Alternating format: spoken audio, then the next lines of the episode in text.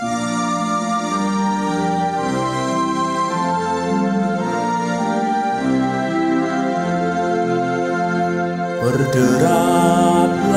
satu, bertegap langkahmu, junjunglah panggilannya, berjuangkan kasihnya, berkandengan bergandengan erat, rintanganmu berat, untuk masyurkan berita perdamaian kekal.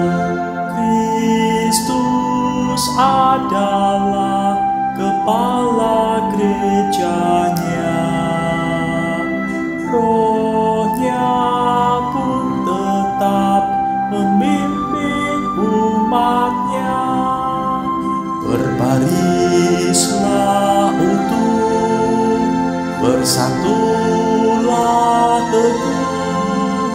hai seluruh gereja Kristen Indonesia.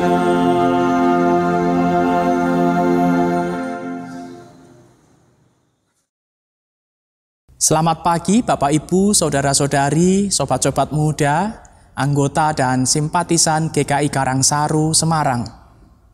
Hari ini merupakan hari yang istimewa bagi kita, anggota GKI maupun simpatisan GKI. Karena hari ini, 26 Agustus, kita merayakan peringatan penyatuan GKI. Dari GKI Sinode Wilayah Jawa Barat, GKI Sinode Wilayah Jawa Tengah, GKI Sinode Wilayah Jawa Timur bersatu menjadi Sinode GKI. Mari kita bersama-sama hayati akan penyatuan ini berdasarkan firman Tuhan yang pagi ini akan diberitakan dengan judul melepaskan dari segala kesesakan. Mari kita berdoa.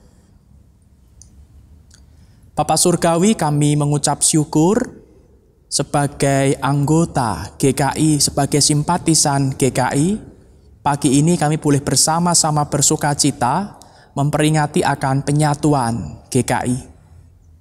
Dan kami akan bersama-sama merayakannya seturut dengan firman-Mu. Kami akan membaca dan merenungkan firman-Mu, kiranya firman yang kami baca, kami renungkan, boleh mengubah kehidupan kami semakin hari semakin berkenan di hadapan Tuhan. Sehingga sebagai anggota maupun simpatisan GKI, kami semakin berkenan di hadapan Allah dari hari ke hari. Di dalam nama Tuhan Yesus kami berdoa. Amin. Bacaan kita terambil dari Mazmur pasal 34. Mazmur pasal 34 ayat 18. Apabila orang-orang benar itu berseru, maka Tuhan mendengar dan melepaskan mereka dari segala kesesakan. Demikianlah sabda Tuhan, syukur kepada Allah. Jemaat Tuhan, ada kabar segar di tengah perjuangan melawan pandemi virus corona. Suara.com pada 13 Mei 2020 pernah menuliskan kisah inspiratif tentang Maria Branyes, perempuan dari Spanyol yang berusia 113 tahun. 113 tahun, itu berarti ia hidup melampaui pandemi flu Spanyol yang terjadi tahun 1918 sampai 1920. Pandemi yang paling mematikan di abad 20. Dia mengalami masa perang saudara di Spanyol tahun 1936 sampai kurang lebih tahun 1939. Dan terakhir ia berhasil menghadapi virus corona.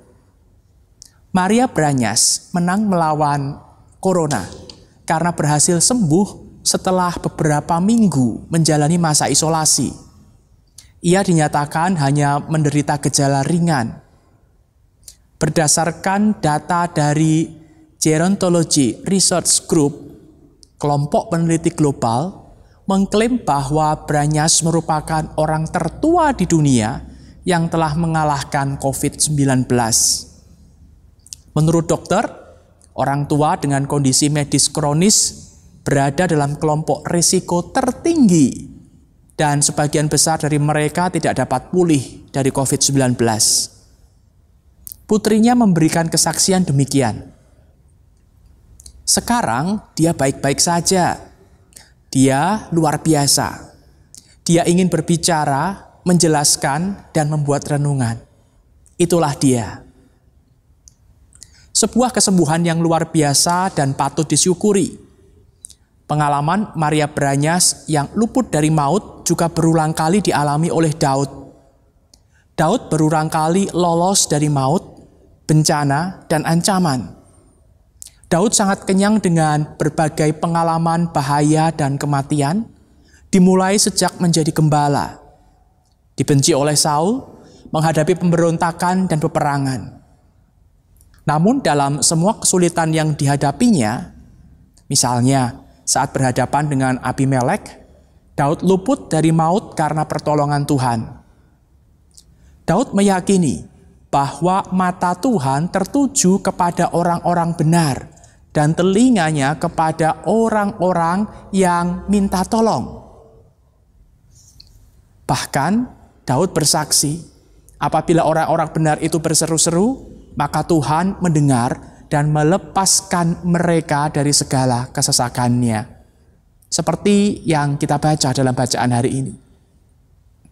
Saat ini, dalam perayaan hari ulang tahun penyatuan GKI ke-33, GKI di segala lingkupnya sedang bersama-sama menghadapi pandemi virus COVID-19 yang berat.